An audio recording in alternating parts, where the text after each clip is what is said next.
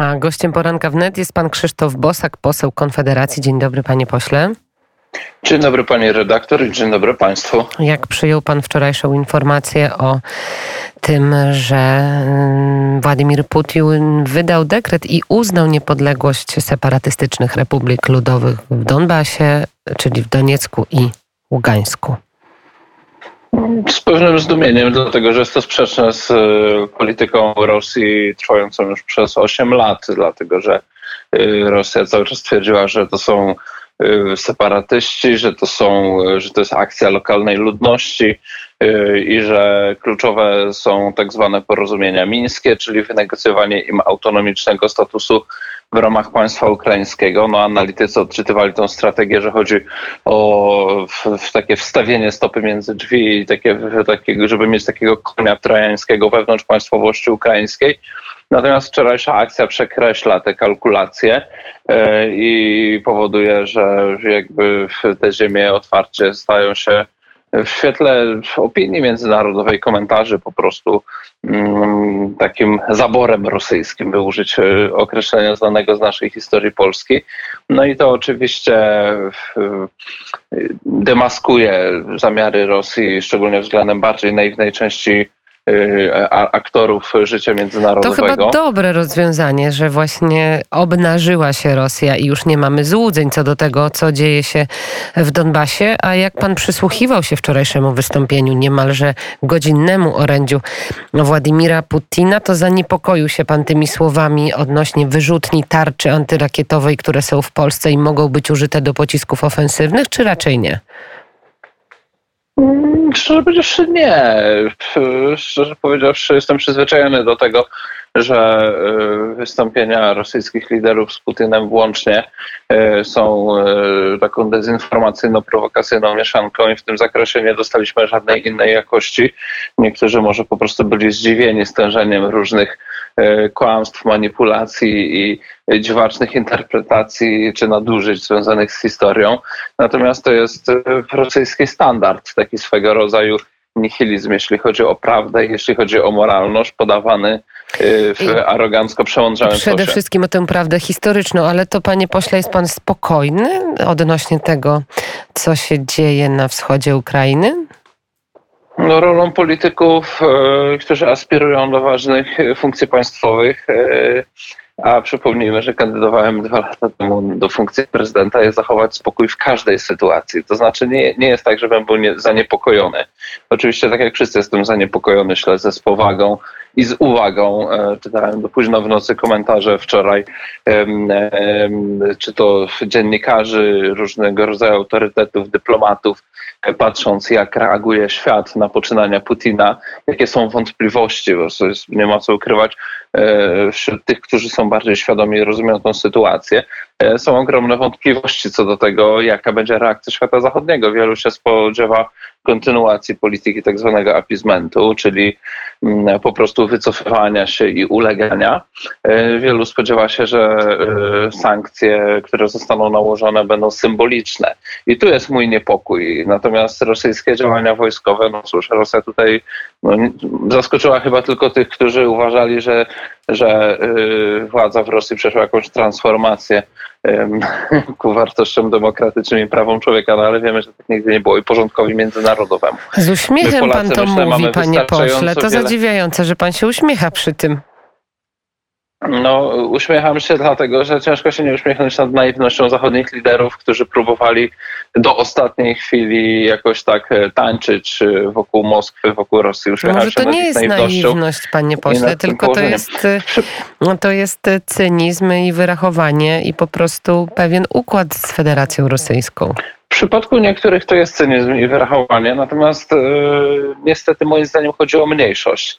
E, moim zdaniem my w Polsce często przyjmujemy taką interpretację sytuacji międzynarodowej, iż poza Polską, szczególnie w świecie zachodnim, są jacyś super wyrachowani gracze, super dobrze poinformowani aktorzy. Mówię tutaj raczej jakiś... o, y, o mm, Niemczech i o Francji. Mhm, no, no, to właśnie chcę się odnieść do tych państw, tak, że tam są właśnie tacy ludzie, którzy działają na jakimś wyższym e, biegu racjonalności niż polscy politycy. Tak wcale nie jest. E, oni są bogatsi, oni są w mojej ocenie bardziej pyszałkowaci i właśnie dlatego popełniają nawet więcej błędów, choć trudno w to uwierzyć, niż polscy politycy. W przypadku klasy niemieckiej politycznej, jestem w zeszłym tygodniu po konsultacjach z ekspertami, którzy bezpośrednio i stale zajmują się polityką niemiecką, poziom świadomości i zrozumienia jest szalenie zdeterminowany, z, z, zróżnicowany w różnych grupach politycznych i wiekowych. Jest silnie uwarunkowany historią, również może to być dla niektórych zdziwienie, ale kompleksami narodowymi. I moim zdaniem w Niemczech eksperci, którzy rozumieją, co jest grane i rozumieli to wcześniej, stanowią bardzo niewielką mniejszość. No to teraz przenieśmy się, panie pośle, nad Wisłę.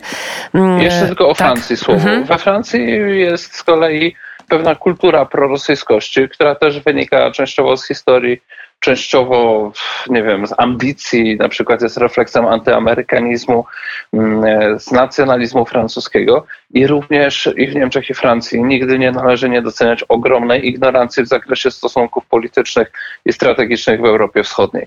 Naprawdę prawie nikogo poza wąską grupą ekspertów to nie interesuje na tyle, żeby się dowiadywał, gdzie tam które państwo ma granice, kto ma z kim jaki zatarg i jak to wyglądało w historii to jeżeli rozmawiamy o Francji, to warto chyba e, wspomnieć wypowiedź e, też kandydata na prezydenta, tak jak nasz rozmówca. Mówię oczywiście o Eriku Zemurze. Sankcje wobec Rosji są nie tylko sprzeczne z naszymi interesami, lecz także nieskuteczne, napisał w, w oświadczeniu, które dziś w nocy zostało opublikowane.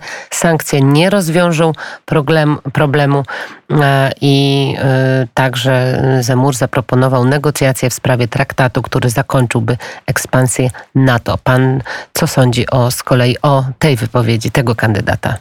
No ona jest typowa i dla Zemura, i dla polityków francuskich. Zemur, y, który jest reprezentantem, czy podjął jakieś takie prawicowe bardziej hasła y, w tej y, kampanii prezydenckiej i o prawicowy elektorat konkuruje wcale niezbyt prawicową Marine Le Pen. Zemur po prostu mówi to, co chcą słyszeć Francuzi. On mówi o tym, że Ukraina powinna być neutralna, co jest oczywiście ideą, no niestety idiotyczną, ponieważ w świecie polityki międzynarodowej e, neutralność nie istnieje, jeżeli nie gwarantuje jej jakiś bardzo silny aktor, a tak się składa, że Ukraina z takim silnym, agresywnym aktorem sąsiaduje.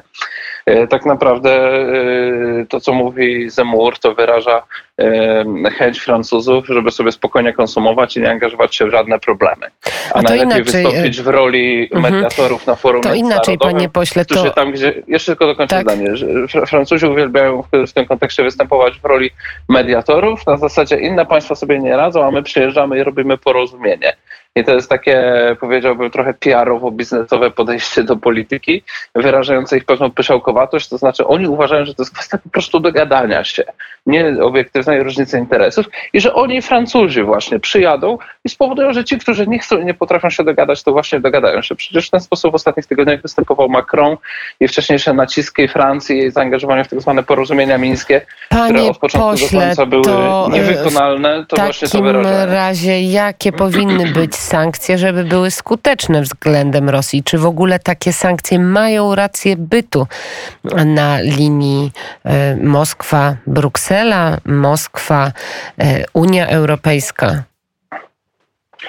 Mam wątpliwości. E, czytałem opinię ekspertów, że Rosja w tej chwili jest właściwie, decyduje się na te działania, dlatego że już jest przygotowana na e, amortyzację ewentualnych sankcji, niezależnie jakie one będą, po prostu społeczeństwo rosyjskie poniesie nieco większe albo nieco mniejsze koszty.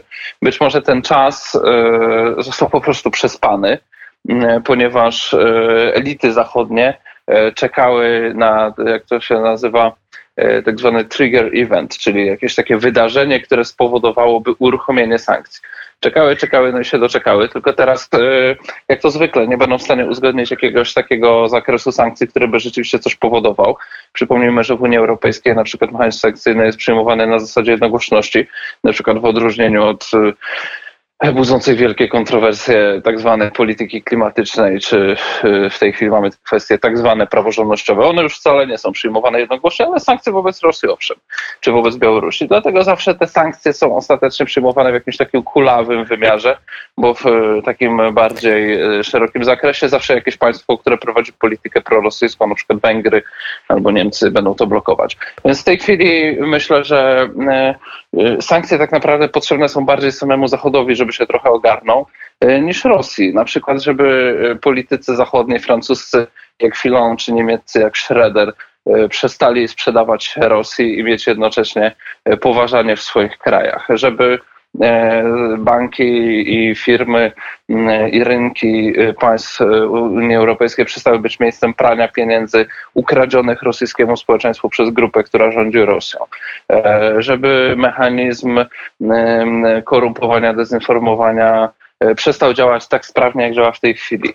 Mm, do tego są potrzebne w tej chwili sankcje. Natomiast czy sankcje uderzą bezpośrednio w reżim? No niektórzy wskazują, że powinny uderzać w majątki tej grupy, e, tych oligarchów, e, A jakie powinno być zachowanie Putina? polskiego rządu, panie pośle? Powinniśmy się jeszcze bardziej zaangażować w obronę Ukrainy, w niezależność Ukrainy, czy jednak spokojnie czekać? Bardziej chyba się już nie da jeszcze bardziej. Wydaje mi się, że rząd i prezydent dwoi się i troi, żeby pokazać, jak bardzo są sprawy zaangażowane. Ale to dobrze czy się... źle?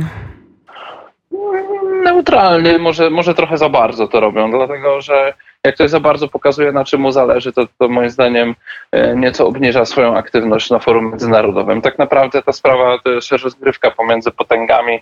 Głównym aktorem tutaj e, są Stany Zjednoczone, e, a w Europie Niemcy, Francja. Jeżeli te kraje nie będą chciały czegoś zrobić, to nic się nie wydarzy i aktywność polska w żaden sposób tego nie zmieni. Wiemy, że zdolność oddziaływania władz państwa polskiego na Francję czy Niemcy jest niestety bliska zeru.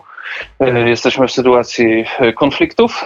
Mm, natomiast, e, natomiast jeżeli chodzi o Stany, to też te stosunki były nie najlepsze. Oczywiście w tej chwili pragmatycznie Stany Zjednoczone współpracują z Polską, ale wiadomo, że jest to administracja całkowicie nam odległa ideologicznie. Także w mojej ocenie w tej chwili E, po prostu trzeba skupić się na dyplomatycznym przekonywaniu e, do naszych racji i wydaje mi się, że do tego dyplomatycznego przekonywania E, nie zostały wytworzone żadne narzędzia. Na przykład nie mamy żadnej w Europie sieci think tanków, które w tej chwili mogłyby zrobić dyskusje, prezentacje, e, zaprosić ekspertów, e, pokazać, nie wiem, zrobić szybkie spotkania jakichś grup roboczych z politykami z różnych państw.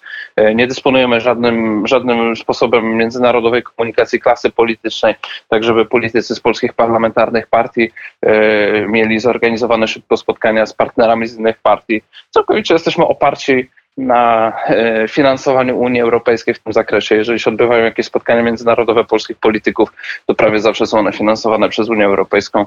Państwo polskie nie inwestowało w tego typu kontakty, w związku z tym po prostu ich nie ma.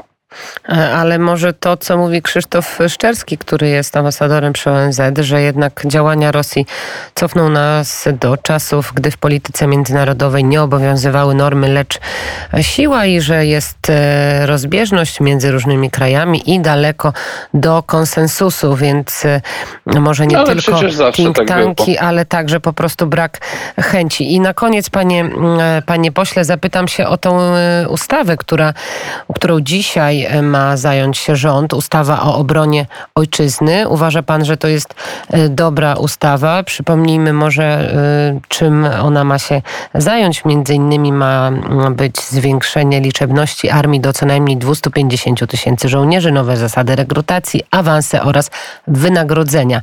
To dobry dokument prawny? Mam ogromne wątpliwości i słysząc tak sformułowane założenia nie jestem przekonany. Natomiast dobrze, że kierownictwo państwa wykazuje wreszcie jakąś w ogóle aktywność w kierunku poprawy sytuacji w wojsku Nie czytał polskim. pan, rozumiem, przepisów jeszcze tej ustawy? Y, nie, na ile się orientuję, to ich po prostu jeszcze nie było w Sejmie. Jeszcze kilka dni temu słyszałem na temat tej ustawy, że jest na etapie konsultacji, zdaje się, z ośrodkiem prezydenckim. Jeżeli tylko ten projekt już wpłynął, będzie na rozpoczynającym się jutro posiedzeniu Sejmu, to oczywiście przedstawimy swoje stanowisko po szczegółowej analizie. Natomiast moim zdaniem te rzeczy, które pani wymieniła jako główne założenia, nie są głównymi problemami w tej chwili w polskim wojsku. Na przykład y, decyduje nie liczebność, ale stopień wytrenowania oraz y, wyposażenie. Jeżeli chodzi o zamówienia, to większość zamówień jest robiona na taki, powiedziałbym, super nowoczesny sprzęt, który będziemy mieć za ileś lat, a nie na rzeczy, których potrzeba teraz. Problemem jest zły sposób przeprowadzania ćwiczeń, które odbywają się zawsze na tych samych poligonach według jednego scenariusza, a nie tak jak prowadzą je Rosjanie i Białorusini, to znaczy w ramach niezapowiedzianych sprawdzianów bojowych z pełnym wykorzystaniem logistyki. Logistyki, która w Polsce jest jeszcze z czasów PRL, y, jest wylana z betonu i niemożliwa do przeniesienia gdziekolwiek. Y, jedna z rzeczy, które usłyszałem podczas spotkania się z y, ekspertami, analitykami, którzy analizują to, co robi Rosja, to na przykład, że tam jest głęboko rozwinięta współpraca między armią a firmami inżynieryjnymi, cywilnymi, że są w stanie, jeżeli przestawiają swoje wojska, na przykład w ciągu kilku tygodni wybudować 800-kilometrowy odcinek rurociągu, żeby dostarczać sobie paliwo. My nie jesteśmy w stanie przenieść warsztatu, który ma obsługiwać nasze pojazdy bojowe, bo to wszystko jest w garażach wylanych z betonu, nie jest przygotowane do spakowania w kontenery i przeniesienia tam, gdzie potrzebne. Tu są problemy i tego nie, nie zmieni się ustawą, tego trzeba zmienić sposobem zarządzania. Zarządzanie ministra Błaszczaka w mojej ocenie jest po prostu skrajnie zachowawcze i skupione na osobistym PR ministra. I tutaj stawiamy kropkę. Pan Krzysztof Bosak, poseł Konfederacji. Bardzo dziękuję za rozmowę. Dziękuję bardzo, pozdrawiam słuchaczy, do widzenia. Do widzenia, a za kilka minut będziemy rozmawiać już o tym, co dzieje się między innymi na linii Moskwa-Waszyngton.